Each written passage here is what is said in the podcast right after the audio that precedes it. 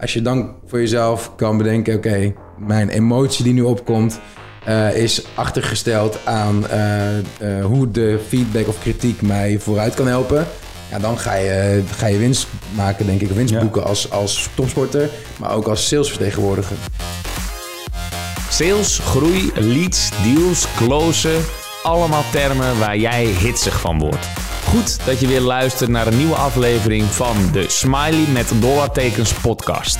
Ja, eerlijk, waardeloze naam, maar geweldige inhoud. Want samen met Pieter Res, en dat is volgens mij de beste business developer van Nederland, duik ik, Jordi Bron, in de wereld van sales. Al verkocht? Laten we snel beginnen. Yes, yes, yes. Welkom bij weer een nieuwe aflevering van de Smiley met dollartekens podcast. En vandaag hebben we de man uit Groningen, namelijk Joep Baks van Saam. Joep, doe je introductie. Eh, dankjewel, eh, Pieter. En wat zijn jullie goed op elkaar ingespeeld met die intro. Ja, ik eh, ben Joep Baks. Ik kom uit eh, Groningen. Ik ben op mijn vijftiende ooit verhuisd uit Brabant naar Groningen. Eh, om een eh, carrière als schaatser na te leveren. Daar gaan we het zo meteen nog wat meer over hebben. Maar nu werk ik als business developer bij Saam. Ja. Een eh, online marketingbureau in Groningen. inderdaad de topsportmentaliteit meegenomen naar nieuw business development. En daar gaan we het inderdaad vooral over hebben. Ehm, ik heb dit even van je LinkedIn geplukt. Na een decennium lang bezig te zijn geweest met mijn weg naar de Nederlandse schaatstop... heb ik eind 2017, vijf jaar geleden, 4,5, besloten dat het tijd was voor verandering. Neem ons even mee in hoe je die beslissing gemaakt hebt. Dus eh, gewoon eigenlijk even je carrièrepad. Wat eerst dus een schaatspad was en nu dus een salespad. Ja, ze beginnen beide met een S, maar eh, nee, het is wel iets heel anders. Eh, ik ben inderdaad op mijn vijftiende destijds verhuisd vanuit Brabant naar Groningen.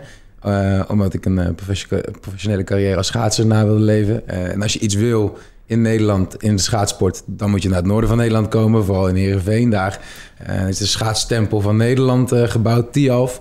Ehm, en destijds hadden we een mooie, was er een mooie schaatsploeg in Groningen... die studie en eh, topsport combineerde.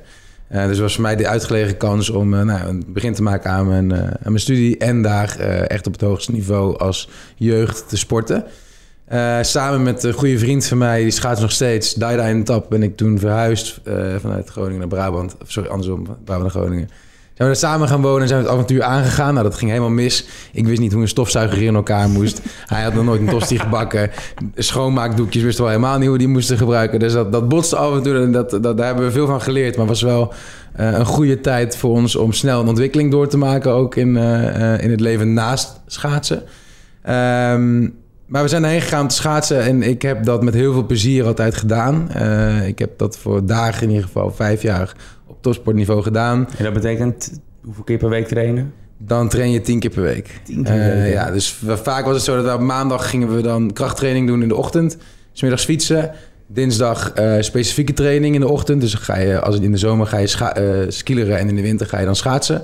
Eh, 's smiddags fietsen. Woensdag vaak langere fietsrit. Donderdag weer specifiek in de ochtend en in de middag weer fietsen. Vrijdag iets van kracht of een, eh, een sprongachtige training. Zeg maar echt een intensieve prikkel. Is in de middag weer fietsen. En dan zaterdag een lange fietsrit. En zondag knock-out op de bank en op bed. Een beetje gamen. Er is wel een eh, chill dag eh, tussendoor. Ja, ja, dan was wel een chill dag. Maar eh, ja, heb ik voor vijf jaar lang heb ik eh, zeer intensief getraind. Altijd met veel plezier gedaan. Ehm, tot ik inderdaad besloot om eh, nou, de schaatscarrière om te toveren naar, eh, naar een salescarrière, sales marketing. Ehm, daar zit wel een, eh, een, een kleine introductie aan vooraf. Ik ben toen ik stopte met schaatsen op mijn 21ste betrokken gebleven bij mijn huidige schaatsploeg destijds. Ehm, dat komt. Ik ben best wel een persoon, een sociaal persoon die hecht aan mijn naaste omgeving. En ik heb eh, tien jaar lang eh, nou, intensief getraind met een groep gasten die ik gewoon tien keer in de week dus heel vaak zag. Dus dat waren op een gegeven moment ook echt goede vrienden van mij geworden. Ja. En die wilde ik niet gelijk nog loslaten. Want als ik uit die schaatsploeg stapte, uit dat wereldje stapte... dan verloor ik ook heel veel van mijn contacten met hen. En eh, ik ging destijds een leven in als student... en eh, ja, richting mijn commerciële zakelijke leven. Eh, en zij waren toen nog bezig met de ontwikkeling als topsporter. Dus Je ik- was bang dat je ze zou verliezen omdat zij wel in het ritme van trainen zaten. En Juist. jij dan eruit Juist, juist, dat vond ik wel jammer dat ik dan hun minder zou gaan zien. Dus ik vond het wel leuk, zeker toen ik nog aan het studeren was... om dan met mijn bijbaantje bij mijn oude schaatsploeg te kunnen, kunnen doen. Uh, dus ik heb daar ehm, ook een commerciële functie vervuld. Dat was mijn taak om suppliers en sponsorships te binnen te halen voor het team. Uh, dat heb ik twee jaar lang met heel veel plezier gedaan. En die combi voor mij om de sociale contacten bij mijn team niet te verliezen... en een beetje commercieel aan het werk te kunnen binnen die ploeg... was gewoon ideaal als ja, uitweg van de schaatsport eigenlijk. Uh, dat heb ik twee jaar gedaan. En toen ben ik gaan werken bij een sportmarketingbureau in Amsterdam... Uh, House of Sports heet dat. En zij organiseren alle, of onder andere alle schaatswedstrijden in Nederland. En ze doen ook een stukje atletenmanagement. Ze organiseren wat andere uh, sportevenementen hier in Nederland nog. Um, dus het was voor mij ook een leuke, leuke stap, want ik kon daarin meehelpen in de organisatie van de schaatsevenementen. Dus toen had ik het, de schaatswereld eerst als sporter ervaren, toen als begeleiding van een professioneel team en als laatste als mee, de mede-organisator um, bij het bedrijf die al die evenementen, evenementen wegzet. Ja. Um, dus dat was wel leuk, die vanaf drie, drie verschillende kanten de schaatsport gezien. maar moet wel heel eerlijk zeggen dat de uh, functies die ik bekleed heb, uh, los van het schaatsen zelf, niet mijn passie uh, konden triggeren, zeg maar, zoals het schaatsen dat wel heeft. Schaatsen zelf was dan uiteindelijk die passie en die wereld wat minder. Waar, Ja. Waarom was dat dan? Uh, nou, ik, kijk, de schaatswereld zelf vond ik mooi, maar wat ik concreet moest doen binnen de functies bij mijn eh, werkgevers en de baantjes die ik over heb gehouden na eh, mijn eigen tijd als schaatser, Ja. Was gewoon niet hetgeen wat bij mij past en wat ik zocht. Ik, moest, eh, ik ben niet een jongen die heel erg gestructureerd en geordend en weet ik het wat is. En in de organisatie van evenementen moet je dat wel zijn. Mhm. Eh, eh, ik werk totaal niet met lijstjes en de hele rest van het team werkt alleen maar met lijstjes en dingen bijhouden en wat dan ook. Dus dat is gewoon niet mijn kracht. En daar haal ik ook geen plezier uit. Dus destijds heb ik besloten om dat los te laten en iets anders te gaan doen. En toen ben ik in contact, gekomen met Saam. Ehm, en wel een heel grappig verhaal. Saam zit in een, eh, een oud pakhuis in Groningen op de begane grond. En boven het kantoor woont mijn oude schaatstrainer. Oké. Dus zo ben ik ook weer in contact gekomen met, eh, met Saam. En, eh, nou, dat is gewoon netwerk. En toen zei je van, nou, oké, dat lijkt me eigenlijk ook wel wat. En dan ga ik daar dus mijn sociale skills inzetten, namelijk binnen de sales. Ja, ja, en daar kon ik gewoon inderdaad, want daar was gewoon een functie vrij om gewoon nou ja, leuk te lullen met mensen en hopelijk een connectie aan te kunnen gaan daardoor en ze uiteindelijk te kunnen helpen met Ja. de diensten die we aanbieden. Dat paste veel beter bij mij dan eh, gestructureerd eh, lijstjes bijhouden en eh, afvinken als iets wel of niet eh, gebeurd was. Ja. Ja, want waar begon je toen? Want ik weet ook van jou dat je bij BNI zit. BNI is natuurlijk een netwerkclub. Ja. Was het al vanaf moment één dat jij bij eh, BNI aansloot... om uiteindelijk een netwerk op te bouwen van mensen waar je wellicht zaken mee kon gaan doen? Ja, ja toen ik eh, binnenkwam bij Saam, ehm, was de vraag, was er de behoefte om nieuwe klantgroepen aan te gaan spreken. Saam is van origine een marketingbureau groot geworden in de Groningse horeca. Nou ja, toen ik binnenkwam was het halverwege 2020. Ja, toen was corona net een ding. De eerste Ja. markt die er natuurlijk uitvloog was Ja. de horeca. Dus ja, de, eh, eh, ook onze klantenportefeuille vanuit Saam, die werd wel even flink wat inge, in- ingedeukt. Want die mensen zeiden de abonnementen op. Die hadden geen geld meer om die marketing te betalen. Ja. Ehm, dus ze hadden behoefte om nieuwe klantgroepen aan te gaan spreken. En ik was de eerste commerciële medewerker die ze daarvoor inschakelden. Ehm, en inderdaad, toen ben ik gaan kijken om mijn netwerk uit te gaan breiden. Want eh, mijn leidinggevende, Tim van Dellen, ook een van de oprichters van Saam... die doet eigenlijk alle sales vanuit zijn netwerk... wat hij heeft opgebouwd gedurende de jaren. Ehm, maar dat had ik niet. Dus dat, moet- dat, en dat moet er wel komen. Dus ik ben inderdaad onder andere toen lid geworden van organisaties zoals de BNI... BNI, eh, daar ben ik niet meer lid. Eh, ehm, maar ik heb daar wel, eh, en ook onder andere met andere netwerkclubs... en gewoon door nu anderhalf, bijna twee jaar bezig te zijn in het werkveld in Groningen... eh, contacten opgedaan waarmee ik mijn zakelijk netwerk heb uitgebreid... die ik uiteindelijk in kan zetten voor of commerciële eh doeleinden. Maar je hebt daarmee mission accomplished met zo'n BNI, want je hebt je netwerk uitgebreid en daarom ben je gestopt? Ehm, wel een be- nou, niet, niet helemaal. Ik denk niet dat dat uitgespeeld is. Eh, Kijk, de mensen waarmee ik lid... Want je hebt de BNI heeft verschillende chapters. Ja. Eh, je hebt, eh, per chapter heb je een aantal vaste leden... en die zie je elke week terug. Ehm, leuk concept. En het, ik vond het in het begin zeker goed... omdat ik dus niemand van die mensen kende... goed om die te leren kennen. Maar ik, ja, uiteindelijk de manier waarop de ehm, business of netwerkclub is ingericht... past niet helemaal bij mij als persoon. Oké. Ergens vind ik het... en misschien schop ik nu wat mensen tegen de schenen... die hier wel Ah, naar dat mag bij de. Sales Podcast. Dat mag, Dat mag bij de Sales Oké, Podcast. oké, oké, We zijn het oké. gewend. Nee, ja, kijk, ik vind, het, ik vind sommige dingen een beetje schools. Ehm, eh, ik denk, ja, we zijn allemaal eh, volwassen mensen. Eh, we willen allemaal zakelijk succes. Eh, we eh, geloven erin dat we elkaar beter kunnen maken. Beetje relaxed, beetje chill. We gaan voor elkaar werken, we zien elkaar elke week, weet je wel. Zo sta ik er in ieder geval in. Maar ja, er waren wat schorse dingetjes waar ik me aan ergerde binnen, binnen die club. Ehm, en daarna dacht ik, op een gegeven moment heb je ja, je netwerk opgebouwd met de mensen die je wekelijks ziet. En die blijf je wel zien. Alleen iedereen geeft elke ochtend daar bijvoorbeeld een presentatie over waar, eh, welk bedrijf je vertegenwoordigt. En wat je zoekvraag is en zo. Ja. Ja, dat vond ik niet per se. Maar ook heel Amerikaans toch van hoeveel omzet heb jij voor mij gerealiseerd? Ja, ja dat, dat, dat ook. En op zich, dat vond ik dan nog wel lekker. Dat, commerciële, dat keiharde commerciële stukje eraan. Ja, ja. Dat kon je het soms een beetje concreet maken, kon je een beetje doorpakken.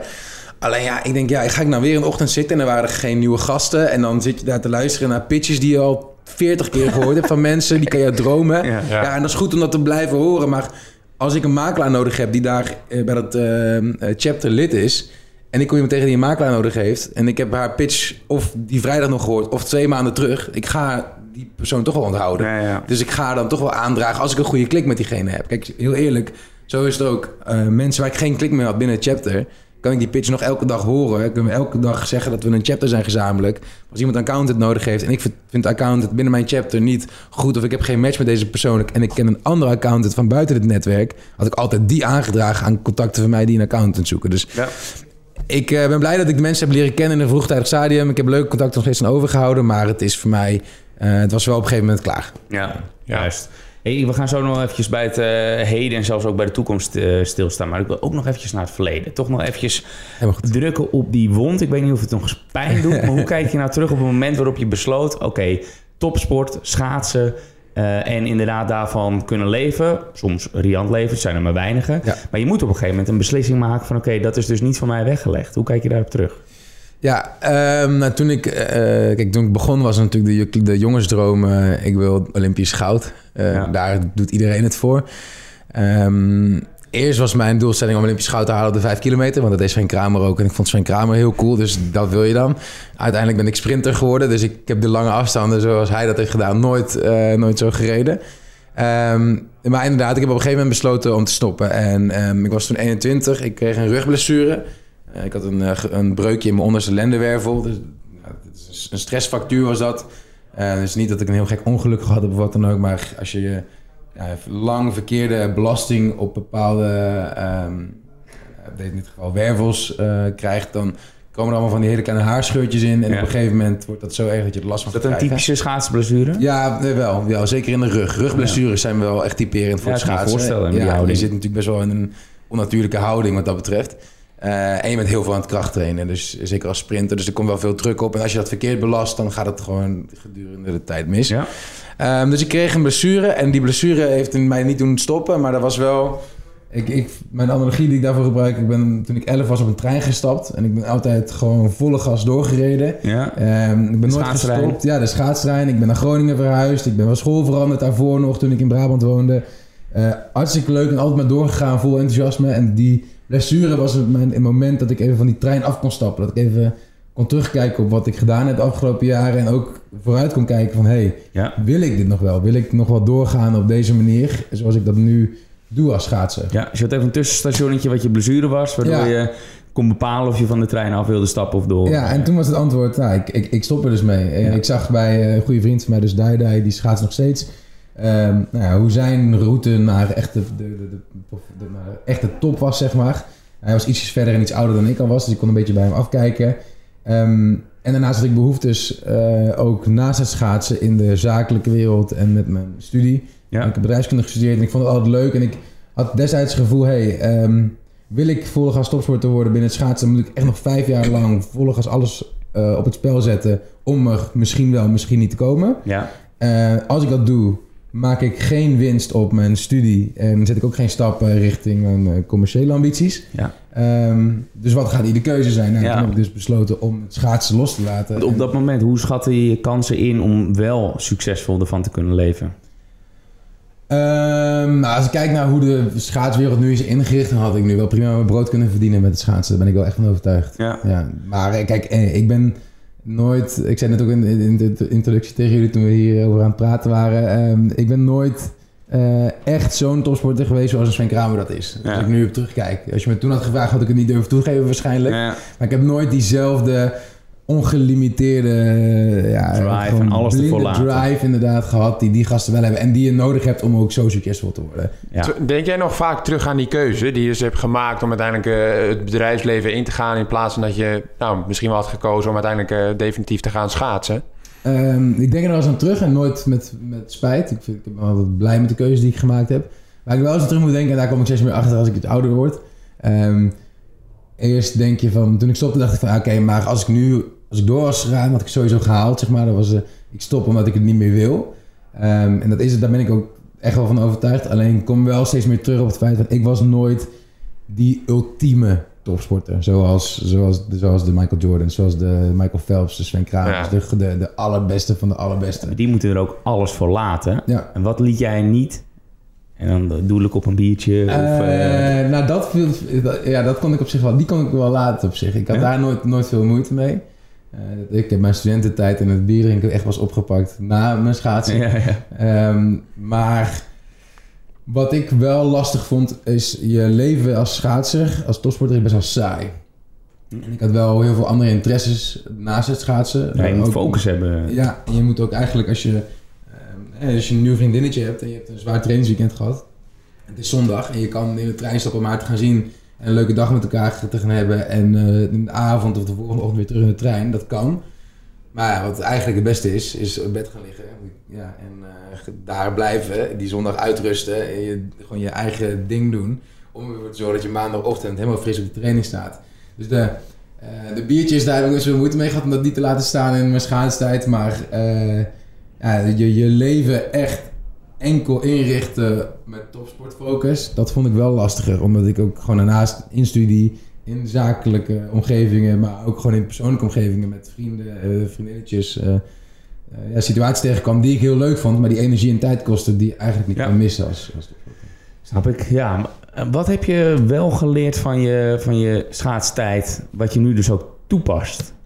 Nou, het grootste waar ik heel dankbaar voor ben in, uit mijn eh, schaatstijd is reflectie. Ja? Ehm, kijk, de topsport is gewoon keihard. Je, je, je- het, draait alleen maar winnen. En als je niet wint, dan heb je verloren. En dan moet je weer terug naar de tekentafel om te kijken wat je anders moet doen om Mm. te winnen. Ja. Ehm, wat ik heel erg geleerd heb, omdat schaatsen is een individuele sport. Dus als het misgaat, is er maar één die je erop aan kan kijken. Dat vond ik altijd heel fijn. Ehm, en je, alles wordt gemeten. Dus ook in een training, alles gaat op tijd. Dus je weet elke training hoe goed of hoe slecht je bent. En als je slecht bent, dan krijg je dus elke keer, tien keer per week, te horen dat je slecht bent. Ehm, te horen van je trainer, dat krijg je zelf terug uit de tijden die je op de klok ziet staan. Dus die feedback is keihard en heel direct. Eh, maar daar heb ik altijd wel, daar, dat, wel nodig gehad ook. Want anders eh, zou ik denk ik nog wat, wat ja, een beetje lantefanteren, zeg maar. Zou het misschien wat meer... eh, eh, zou ik het wat eerder naar mezelf kunnen verantwoorden dat iets minder goed is. Terwijl als Ja. je gewoon keihard van je trainer eh, tijd is en krijgt... Zo slecht ben je nu op dit moment. Of zo goed ben je nu op dit moment. Ja, daar kan je niet omheen, zeg maar. Dus, Dus eh, confronteer het maar, ja, inderdaad, het is duidelijk. ja, ja, wel- zo gaat het ook bij ons hoor, bij Red Pen Networks. Wij hebben, wekelijks hebben wij sales meetings en hebben we ook gewoon echt de metrics. En hebben we rode blokken van oké, je hebt je metric dus niet gehaald en, eh, en groen. Ja. En ik ga nu een geintje maken. Maar dan kun je natuurlijk ook heel goed zien van ja, wat, wat ging er dus wel goed en, en wat niet. Ja, Nou ja, ik denk dat je sowieso, je ziet heel veel overeenkomsten eh, bij bedrijven en het topsportleven. Dat, dat zie ik zelf en dit soort dingen vind ik daar ook, eh, horen daar ook bij. En ik denk ook dat heel veel mensen ook niet topsporters, topsportmentaliteit kunnen hebben in hun werk. Zonder dat ze dat misschien eh, als topsport ervaren, omdat ze dat niet ervaren hebben in een sport, zeg maar. Maar ik zie het wel terug. Dit soort dingen vind ik ook. Als jij die kritiek krijgt van een groen of een rood blok en groen is goed en rood is gewoon compleet fout. En je kan daarmee omgaan. Ja, dat zijn wel dingen die mensen leren in topsport. En die Ja. lessen heb ik ook meegekregen in topsport. Als je die lessen hebt geleerd buiten topsport, ja, net zo waardevol. Ja? Ehm, Ja, wij noemen dat eh, radicaal transparant. Hè? Dus we Ja. moeten gewoon eerlijk zijn. We moeten inderdaad vaak het liefst eh, data erbij pakken. Maar ook met oog op feedback moeten we dat kunnen geven. Weliswaar soms een beetje ingepakt, een beetje sandwich en dus allemaal tactieken voor feedback geven. Ja. Heb ik inmiddels wel door. maar eh, het, het past ook niet bij iedereen. nee, Maar het past wel bij een topsporter, denk ik, als ik dit zo hoor. Want je bent het gewend. Ja, ja ik, vind, ik vind het heel fijn, die manier. Ik wil ook niet dat iemand eromheen draait als het niet goed is. Kijk, dat het spannend is om feedback te krijgen, dat staat voorop. Het is ook niet dat ik daar eh, immuun voor ben of zo. Weet je, als, je, als je iets goed wil doen, eh, ook in een training, als je op een wedstrijd, als je een wedstrijd goed reed, dacht dat je goed te rijden, en de tijd was slecht, ja, dan baal je. En dan moet je echt weer terug van shit, ik had het gevoel dat het goed ging. Maar het Ja. ging niet goed. Waar ging het dan mis? Waar zit die kloof tussen mijn ervaring en de uiteindelijke, het uiteindelijke resultaat? Ja. En datzelfde heb je natuurlijk binnen het werkveld. Als je veel aandacht en tijd in iets stopt en je krijgt de feedback dat het niet goed is, dat blijft vervelend om te horen en het blijft ergens spannend om dat te horen. Ehm, maar daarmee om kunnen gaan, dat ligt in het moment dat je die feedback toegeschoten krijgt. En dat stukje, als je dan voor jezelf kan bedenken: oké, mijn emotie die nu opkomt, eh, is achtergesteld aan eh, eh, hoe de feedback of kritiek mij vooruit kan helpen. Ja, dan ga je, ga je winst maken, denk ik. Winst Ja. boeken als, als topsporter, maar ook als salesvertegenwoordiger. Ja. Ja, dus eigenlijk zeg je topsport sta- staat, valt in staat ook met volhardendheid, net als bij sales, denk ik. Hè? Dus gewoon doorgaan. Ja. En natuurlijk eh, ja, tien keer een nee, één keer een ja, daar moet je het uiteindelijk, uiteindelijk van hebben. En daar wil ik ook wel even bij stilstaan. En normaal stelt Jordi altijd de vragen, maar nu stel ik hem gewoon aan jou. Namelijk inzoomend op het salesproces bij Saam. Want ik weet dat jij heel veel koud belt, of dat tenminste deed. Ja. Eh, doe je dat nog steeds? Wel minder, minder. Eh, ik ben ook een beetje van jou gaan leren natuurlijk, over je inbound strategieën. En dat vind ik eigenlijk veel leuker ook dan koud bellen. Ehm, maar ja, ze koud bellen, maar even terug te komen van mooi wat je zegt. Dus je belt tien keer, je krijgt, je krijgt tien keer nee en, en één keer ja. Eh, elke topsporter verliest meer dan dat hij wint. Zijn. Kramer heeft ook meer verloren dan dat hij gewonnen heeft. Bij iedereen geldt dit zo. Dus eh, het gaat inderdaad niet hoe vaak je verliest. Het gaat erom eh, hoe je omgaat met dat verlies en hoe je dat kan ombuigen naar Ja. die ene winst. Ehm, maar salesproces, ehm nou, ik bel wel minder. Ehm, ten eerste eh, omdat Saam doet dat eigenlijk niet als bedrijf. Ik heb, we zijn met z'n tweeën die de sales doen binnen Saam. Ik en Tim. Ehm, of Tim en ik. En eh, Tim doet het sales vanuit zijn eigen netwerk, zoals ik net al aangaf. En ik ben bezig mijn netwerk op te bouwen. En deels doe ik daarnaast ook wel koude acquisitie. En daar heb ik ook veel voor gebeld. Ehm, het is niet een vorm die bij Saam per se past, omdat we als bedrijf, nou de naam zegt het al, Saam, we zijn best wel gericht op de persoonlijke relatie. Ook Ja. al hebben we, gaan we zakelijke samenwerkingen aan. Ehm, en als het persoonlijk niet matcht, dan zeggen we ook liever gedag tegen de samenwerking. Want we weten gewoon, de mensen op kantoor gaan er dan met minder enthousiasme en plezier aan werken. Wat het resultaat uiteindelijk niet ten goede komt. Ehm, en eh, we willen dan liever dat die klant dat, zeg maar, een ander proces ingaat... wat misschien beter bij hem past met een andere partij... dan dat wij dat met hem doen. Dus ehm, koud bellen, daar kwamen voor ons niet per se altijd de contacten uit... die heel erg aansloten bij de cultuur en identiteit van het bedrijf. Mhm. Dus daarom hebben we dat wat meer losgelaten. Nou, die inbound-strategie werkt daar voor mij veel beter bij. Ja. Eh, want mensen leren mij kennen, leren eh, mij kennen in een vertegenwoordigingspositie van het bedrijf Ja. samen. Mhm. Ehm, dus als dat bij hun aansluit en dat past, als dat aanspreekt, ja, dan spreekt de cultuur die wij uitdragen op kantoor waarschijnlijk ook wel beter bij hen aan. En wat voor activiteiten doe je dan? De, de Pieter-strategie. Ja, nou ja, absoluut. Hè. Pieter is een groot voorbeeld voor mij daarin. En 100%. Jij dat heel Hey. Hey, Ja, je ja, krijgt dat- veren tijdens de podcast. vind ik altijd lekker. Kiet het wel een beetje. Even krap hoor. Nee, ja, oh, 100%. Eh, ik kan veel leren van jouw eh, algehele LinkedIn-strategie. Ik vind het zelf leuk om video's te maken. En daar kan ik beter... Ik vind het beter voor mij om daarin informatie over te brengen dan het typen te doen. Ik vind het leuker om het zo op te nemen, maar ik denk dat het voor mij ook beter is. Ehm, dus ik probeer daarin gewoon actief te zijn en, en eh, kennis te delen met mensen. Ehm, eh, mensen mij te laten vinden. Ehm, dat doe ik door middel van video's op LinkedIn. Ik ben ook actief sinds kort op TikTok. Ja. Ja, ja, dat is nog wel even een zoektocht voor mij. Hoe ik dat Nou, wij hebben die discussie wel. Moeten wij nou ook op TikTok zitten? Ja. En we gaan er daar wel op adverteren. is nu een experiment waar we mee bezig zijn. Maar leg jouw strategie op TikTok eventjes uit. Want misschien kan je me overtuigen dat, dat wij toch naar TikTok moeten. Nou ja, strategie, strategie ben ik nog, die, heb ik nog niet echt, maar wel Of veel grappig. kattenfilmpjes, dat is de strategie. Ja, ja, het kattenfilmpje van eh, mijn vriendin verslaan in ieder geval. Dat is het doel. Maar eh, nee, wel grappig. Eh, Pieter, jij hebt mij een keer via LinkedIn in contact gebracht met Carlo van Linde. Ja, Ja. klopt. En eh, ik heb nog wel eens wat contact met hem gehad. Want hij eh, praat over metaverses en NFT's en zo. En ik vind het wel interessant. Maar hij zit ook op TikTok. En hij eh, vertelde een keer in een podcast volgens mij... dat de gemiddelde leeftijd op TikTok eh, in Nederland is 27. Dus veel hoger dan ik in ieder geval had verwacht. Ja, Ik dacht, dat zijn er meisjes van 12, 13 die dansjes doen. En dat is het. Maar er zit er blijkbaar ook zakelijk best wel wat potentie in dat platform. En er zijn mensen, wel van de wat jongere generatie, die TikTok als een soort van Google inzetten. Dus Mhm. alles wat ze eh, niet weten en- waar ze een soort van how-to guide van op moeten hebben, doen ze via TikTok. Ja. Ik had gisteren een hele discussie met iemand over hoe je een kiwi at. Nou, dan ga je naar TikTok. How to eat a kiwi. Ja, je hebt serieus alles is te vinden op TikTok. En ook dus Wat is de conclusie? Hoe eet je nou een kiwi? Gewoon in je mond stoppen, lekker. En wel verschillen. Tenminste, je kan hem door de helft doen met een lepeltje. Ja, of in één keer zonder de schil. Met, met de schil, sorry, zonder de schil eraf te halen. Ja. In één keer? Ja, nou, ja, dat, dat- sommigen die dus in één keer of gewoon is een soort appel met schil erop haat. Ja, dus je, allerlei verschillende manieren. En TikTok staat er dus echt vol podcast. van over how to eat your kiwi. Ja, het is echt verschrikkelijk eigenlijk.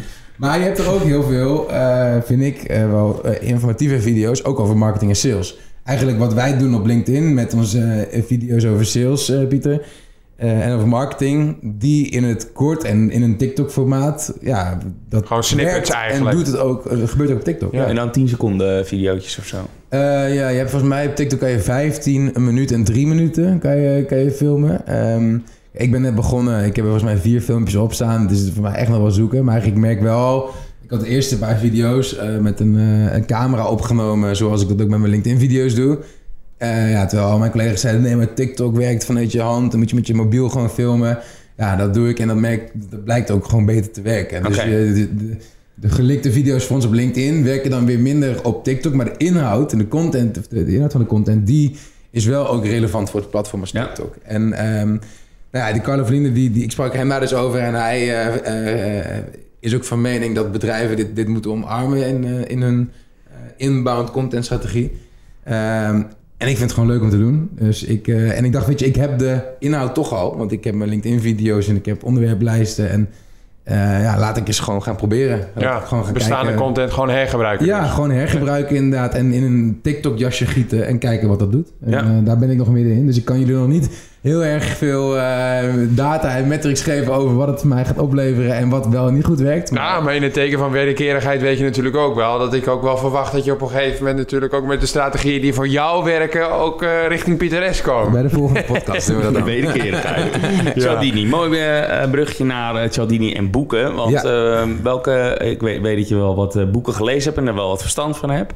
Welke boeken zou jij nog als tip willen meegeven van, aan, aan de, ja, de new business professionals? Eh, te nou, lezen dus. Ja, ik heb grappig het boek van Cialdini eh, met frisse tegenzin gelezen destijds, omdat het vanuit mijn studie moest. Oké. Eh, ge- Mooi was toen ik Cialdini tegenkwam weer in mijn werkveld, vond ik het veel interessanter dan toen het opgedragen werd Ja, vanuit ja, de universiteit mij om het te lezen. Eh dus dat is wel weer ja, apart hoe dat dan weer werkt in je hoofd. Maar dus ik heb hem toen gelezen. Toen heb ik in, toen ik begon bij Samen en daar wat mee, mee bezig was. Want ik vind neuromarketing, dat vind ik wel een van de meest interessante aspecten van online marketing. Ehm, dus vandaar ook Cialdini. Het nou, maakt die verder niet uit. Maar die, eh, dat boek heb ik gelezen, de zeven principes van invloed. Ja. Ehm, eh, ijs verkopen aan een Esk of sorry, ijs kopen aan Eskimo's. Ja. Van, ik ben de schrijfster even vergeten, maar die herschrijft dat boek van Cialdini eigenlijk met een commerciële Nederlandse blik voor, eh, Ja. voor eh, Nederlandse ondernemers.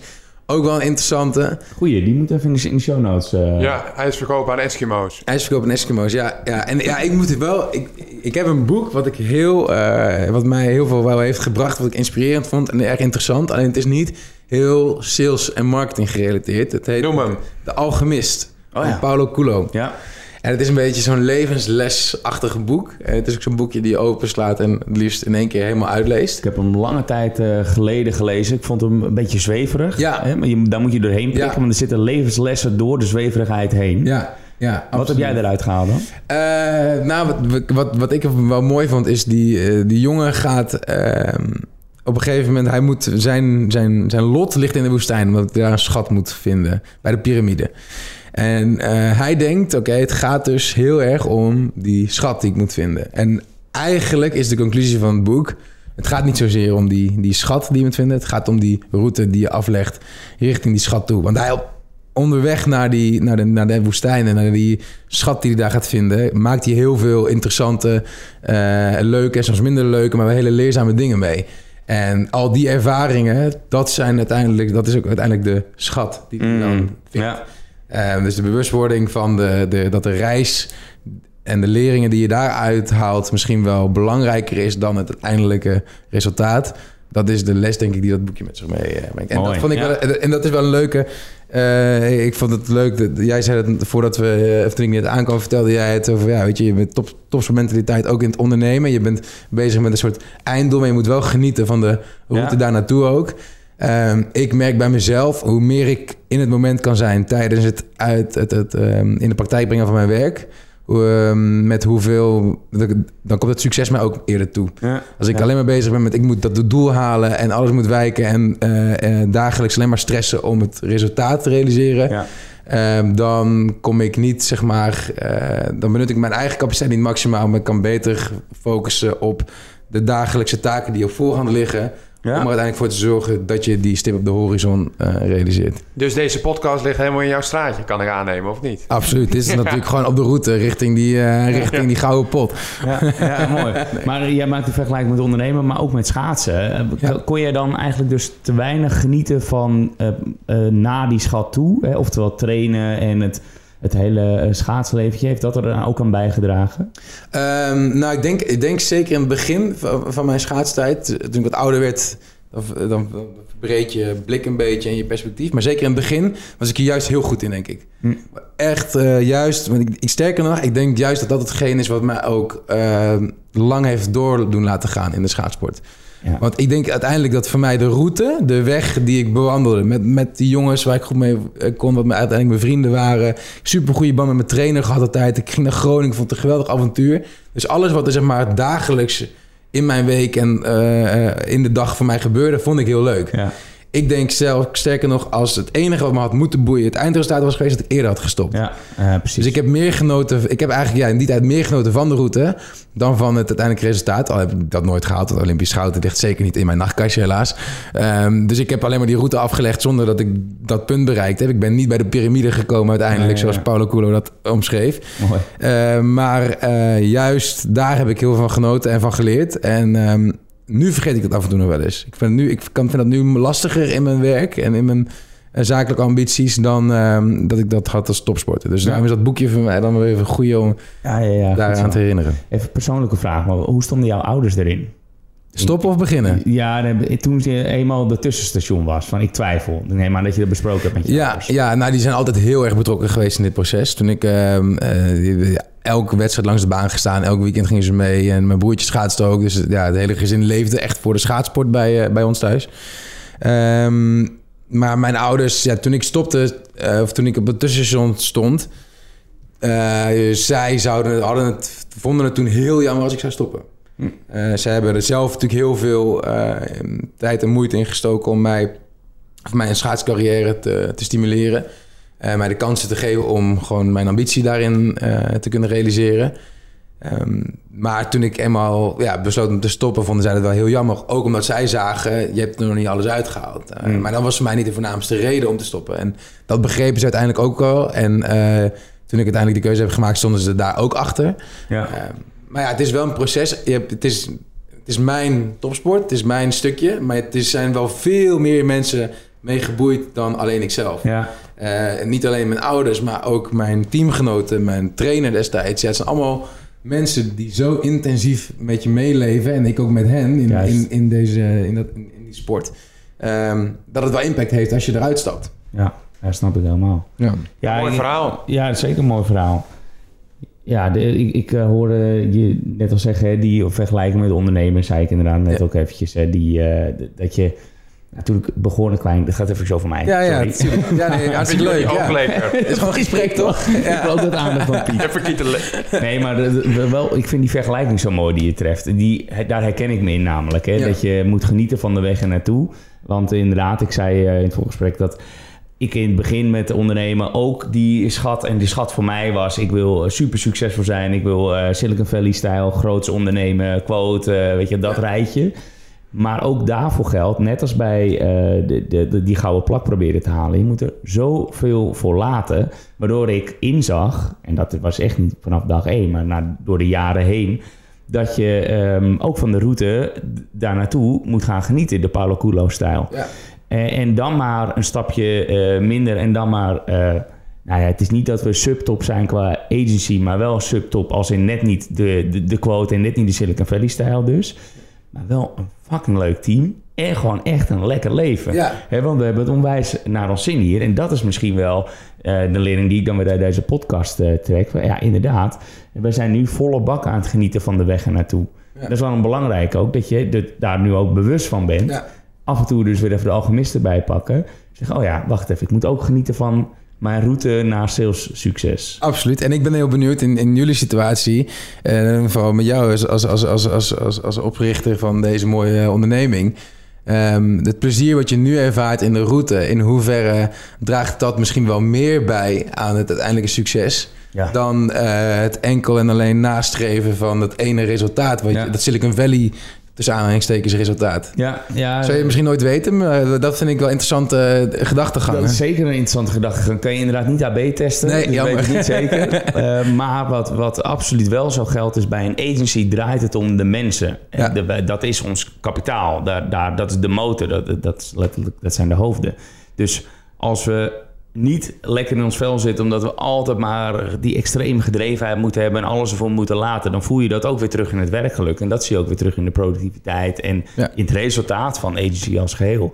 Dus ik, ik hoor helemaal wat je zegt, dat, dat is ook zo. Wij Ja. moeten gewoon als agency heel naar de zin hebben. En daarom heb ik hier ook op de muur geschreven... we willen de beste agency worden...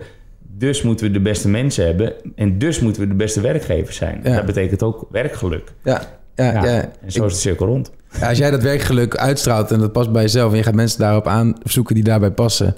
Ja, dan heb je volgens mij een gouden, Ja. een gouden tent hier. eh. Nou, de, de gouden tent eh, zijn wat neerzetten. Dus eh, hard aan het groeien.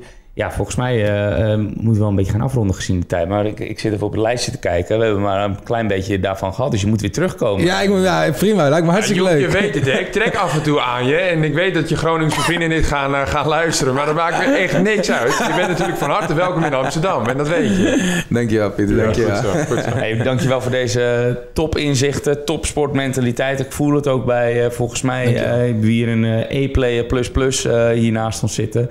En ja, ik heb er veel van geleerd. Ik weet onder andere nu dat je een kiwi ook in één keer kan eten. Yes. Nieuw inzicht. Ja. Ja, toch? en ik ga even op TikTok om te kijken wat de andere variaties zijn van kiwis eten. Even- Joep, dankjewel. Joep, bedankt. Bedankt. Goed zo. Yes. Jij wordt de beste business developer en ik hoop dat onze podcast daaraan zal bijdragen. En dan wil ik gelijk een beroep op jou doen. Zou je me een plezier willen doen en een review willen achterlaten in je podcast app? Dat helpt ons om beter te worden en zo zullen we hopelijk nog meer mensen bereiken. Alvast bedankt en weer tot volgende week.